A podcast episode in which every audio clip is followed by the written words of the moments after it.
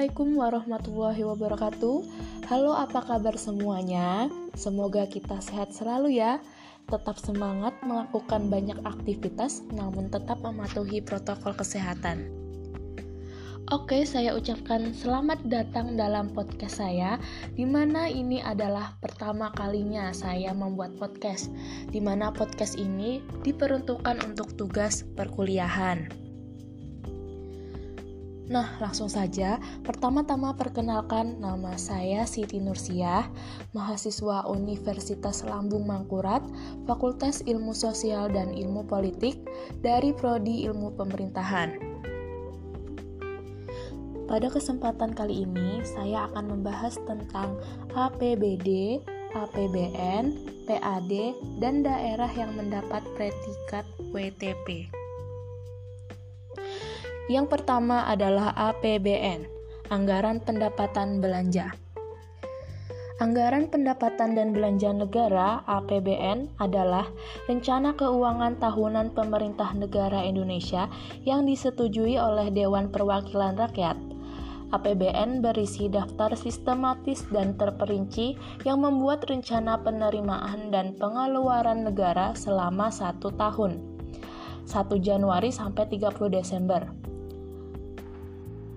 APBN, perubahan APBN, dan pertanggungjawaban APBN setiap tahun ditetapkan dengan undang-undang. Nah, tema besar APBN tahun anggaran 2020 adalah mendukung Indonesia maju. Kebijakan fiskal akan diarahkan untuk mendukung akselerasi daya saing melalui inovasi dan penguatan kualitas sumber daya manusia Berbagai kebijakan di bidang pendidikan dan kesehatan akan dilakukan untuk meningkatkan kualitas sumber daya manusia agar siap berkompetisi dan beradaptasi dengan kemajuan industri dan teknologi. Dalam Beleit Perpres tentang perubahan postur dan rincian APBN tahun anggaran 2020, pemerintah meningkatkan anggaran belanja negara menjadi 2,7 triliun Belanja itu terdiri atas belanja pemerintah pusat 1,9 triliun, termasuk tambahan belanja untuk penanganan COVID sebesar 358 triliun. Belanja negara itu juga sudah termasuk belanja transfer ke daerah dan dana desa sebesar 763 triliun. Selain merevisi anggaran belanja dalam APBN 2020, pemerintah juga merevisi anggaran pendapatan negara menjadi 1,6 triliun dan anggaran pembiayaan menjadi 1 triliun. Kebijakan pemerintah yang fleksibel dan adaptif dilakukan dengan memperhatikan dinamika penanganan COVID-19 di masyarakat dan kondisi ekonomi masyarakat, terutama dari sisi suplai dan permintaan. Pemerintah juga berkomitmen dan berupaya keras mempercepat pelaksanaan, eksekusi, dan evaluasi program kebijakan penanganan COVID-19, kebijakan ekonomi, dan kebijakan-kebijakan terkait kondisi menghadapi pandemi yang sudah berjalan secara beriringan. Berikutnya adalah APBD. APBD adalah rencana keuangan tahunan pemerintah daerah di Indonesia yang disetujui oleh DPR. Dalam APBD tergambar semua hak dan kewajiban daerah dalam rangka penyelenggaraan pemerintah daerah yang dinilai dengan uang, termasuk di dalamnya segala bentuk kekayaan yang berhubungan dengan hak dan kewajiban daerah tersebut dalam kurun waktu satu tahun. Adapun fungsi APBD yaitu fungsi otoritas, fungsi perencanaan, fungsi pengawasan, fungsi alokasi, fungsi distribusi, dan fungsi stabilitas. Tujuan APBD yaitu sebagai pedoman pendapatan dan belanja dalam melaksanakan kegiatan pemerintah daerah. Sehingga dengan adanya APBD, pemerintah daerah sudah memiliki gambaran yang jelas tentang apa saja yang akan diterima sebagai pendapatan dan pengeluaran apa saja yang harus dikeluarkan selama satu tahun.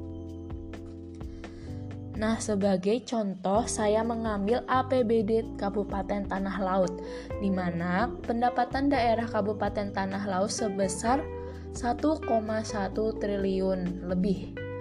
Kemudian, belanja daerahnya sebesar 1,9 triliun lebih.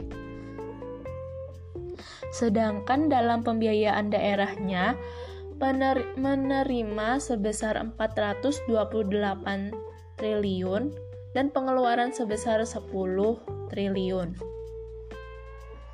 Di mana yang menjadi penyumbang terbesar dari pajak daerah di Kabupaten Tanah Laut adalah pajak penerangan atau pajak listrik, di mana pajak penerangan jalan menjadi penyumbang pajak daerah terbesar.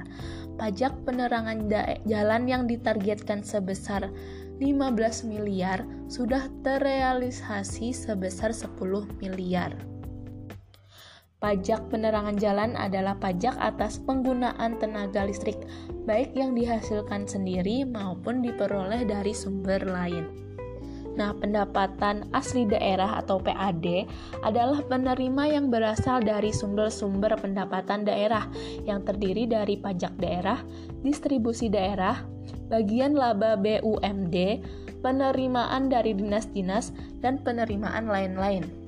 PAD merupakan perwujudan dari asas desentralisasi dan menjadi salah satu sumber pendapatan daerah. Melalui PAD, pemerintah daerah diberikan kewenangan untuk mendanai pelaksanaan otonomi daerah sesuai dengan potensinya. Nah, oleh sebab itu, Bupati Tanah Laut telah melakukan penandatanganan perjanjian kerjasama dengan PT PLN, Unit Induk Wilayah Kalimantan Selatan dan Tengah UP3 Banjarmasin. Penandatanganan tersebut berkaitan dengan pemungutan, penyetoran, pajak penerangan jalan, dan pembayaran rekening listrik pemerintah Kabupaten Tanah Laut, serta penertiban penerangan jalan umum yang tidak resmi. Kerjasama tersebut sangat penting karena pajak penerangan jalan umum tersebut merupakan salah satu pilar pendapatan asli daerah yang terbesar di Kabupaten Tanah Laut. Nah, materi yang terakhir yaitu WTP. Menurut pendapat akuntan, wajar tanpa pengecualian WTP adalah hasil pemeriksaan akuntan eksternal terhadap entitas atas asersi manajemen atas laporan keuangan dalam suatu periode akuntansi yang disusun berdasarkan standar akuntansi yang berterima umum dan diaudit menggunakan norma pemeriksaan akuntan dan standar pemeriksaan keuangan negara dan standar profesional akuntan publik pada entitas di luar keuangan negara. Salah satu daerah yang mendapat predikat WTP yaitu Kabupaten Tanah Laut.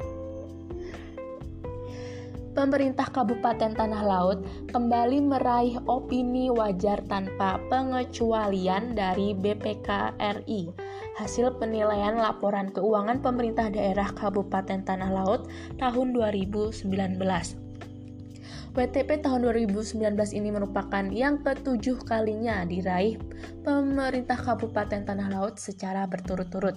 Dan kepastian diraihnya WTP Kabupaten Tanah Laut disampaikan kepada perwakilan BPKRI Provinsi Kalimantan Selatan, Tornanda Syaifullah saat penyerahan laporan hasil pemeriksaan LHP atas laporan keuangan pemerintah daerah tahun anggaran 2019 yang digelar secara online melalui video conference daring Selasa tanggal 16 bulan 6.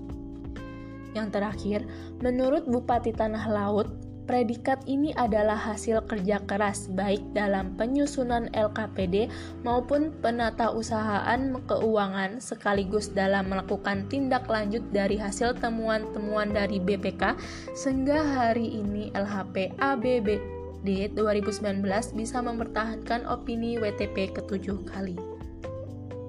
Nah, mungkin itu saja. Terima kasih untuk semuanya yang telah mendengarkan. Sampai bertemu di lain waktu. Jangan lupa jaga kesehatan. Wassalamualaikum warahmatullahi wabarakatuh.